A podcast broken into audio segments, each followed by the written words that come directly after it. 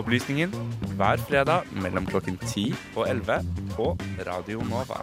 Aldri redd, alltid balansert. Opplysningen.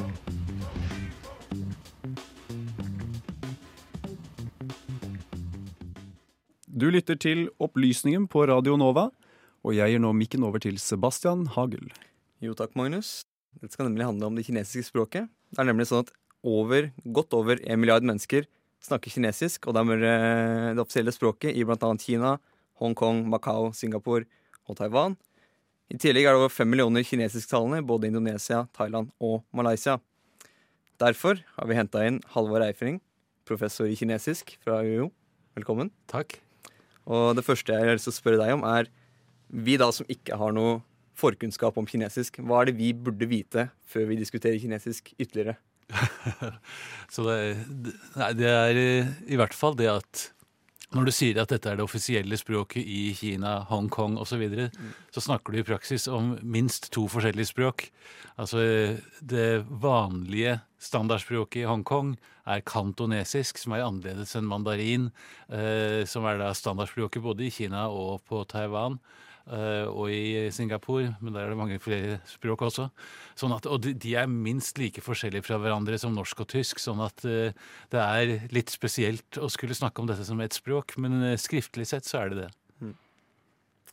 Ja, um, skriftlig sett er det det. De skriver da med slike tegn? De skriver med tegn, og tegnene kan uttales på forskjellige måter. Sånn at mm. du kan uttale dem på la oss si tysk eller norsk. Mm. altså Du kan uttale dem på mandarin eller på kantonesisk. Uh, og i praksis så skriver du noe som ligger tett innpå mandarin i måten du formulerer deg på, men det kan altså uttales på en helt annen måte, som om da en uh, tysker skulle uttale norsk på tysk. Er det dette som ligger i det at det er et tonalt språk? Nei, Det er et helt annet spørsmål, men, eh, så det var litt bom. Men, eh, men, eh, det er det også. Altså det, det, som ligger i, bare for å si det først, det er at selve skrifttegnene da står for menings- eller betydningsenheter, ikke for da spesifikk uttale. Sånn at du kan uttale dem på forskjellige måter, samtidig som de da refererer til da samme betydningsinnhold, mer eller mindre. Mens det du sier med toneforskjeller, det er mer sånn som vi har i norsk lite grann av, med bønder og bønner. Eh, det har du i mye større grad i kinesisk.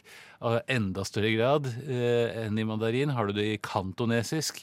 Sånn at du har eh, at i mandarin da, at én stavelse kan uttales på fire eller fem forskjellige måter. Ma, ma, ma, ma. Eh, du kan jo bare ta den.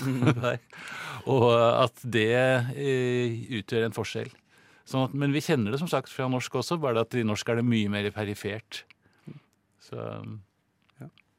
um, nå over til noe litt sånn Vi snakker om Folkerepublikken Kina her i dag. Mm -hmm. Gitt 70-årsjubileet. Yeah. Um, og jeg lurer på hvilken rolle har Folkerepublikken i på en måte, utviklingen av mandarin?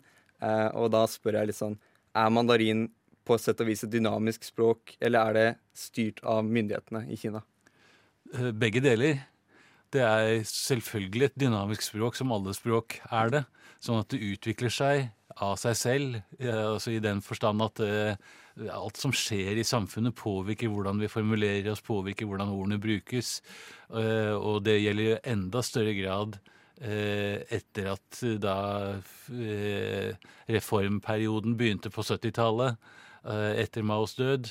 Sånn at, For da har på en måte Kina i mye større grad blitt påvirket av impulser som ikke bare er de politiske impulsene.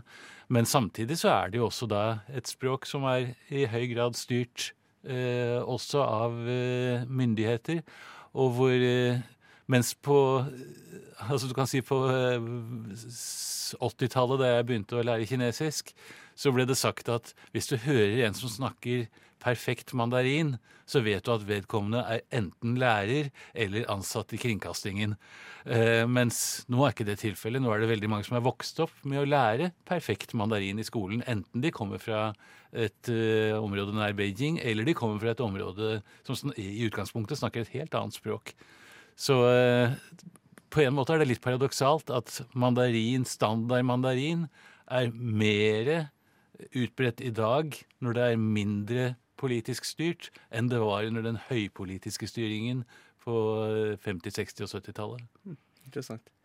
Um, du nevnte noen impulser inn i det kinesiske språket. Kommer noen av disse fra utlandet? Har, ser vi f.eks. anglifisering av kinesisk, sånn som vi ser i norsk? Ja, i noen grad så gjør det det, men uh, mye av anglifiseringen hører vi ikke som det, fordi det blir gjort om dels til kinesiske ord som da uh, har uh, et kinesisk opphav, altså sånn som vi også av og til gjør med å si hva kan vi ha som eksempel der, sånn et eller annet med ja, Nå klarer jeg ikke å komme på noe eksempel på norsk. Sier printer istedenfor printer. Sånn at, eh, Ja, men også at vi kan si altså, Hvis vi hadde sagt trykkemaskin da, Mm. istedenfor printer, altså den typen ting kan du gjøre, gjøre på kinesisk. Eh, Og det gjør du ganske mye, men det er ganske mange engelske ord som etter hvert også tas inn og brukes. Eh, Det gjordes tidligere i- på Taiwan og i Hongkong, men er også ganske vanlig etter hvert i Kina.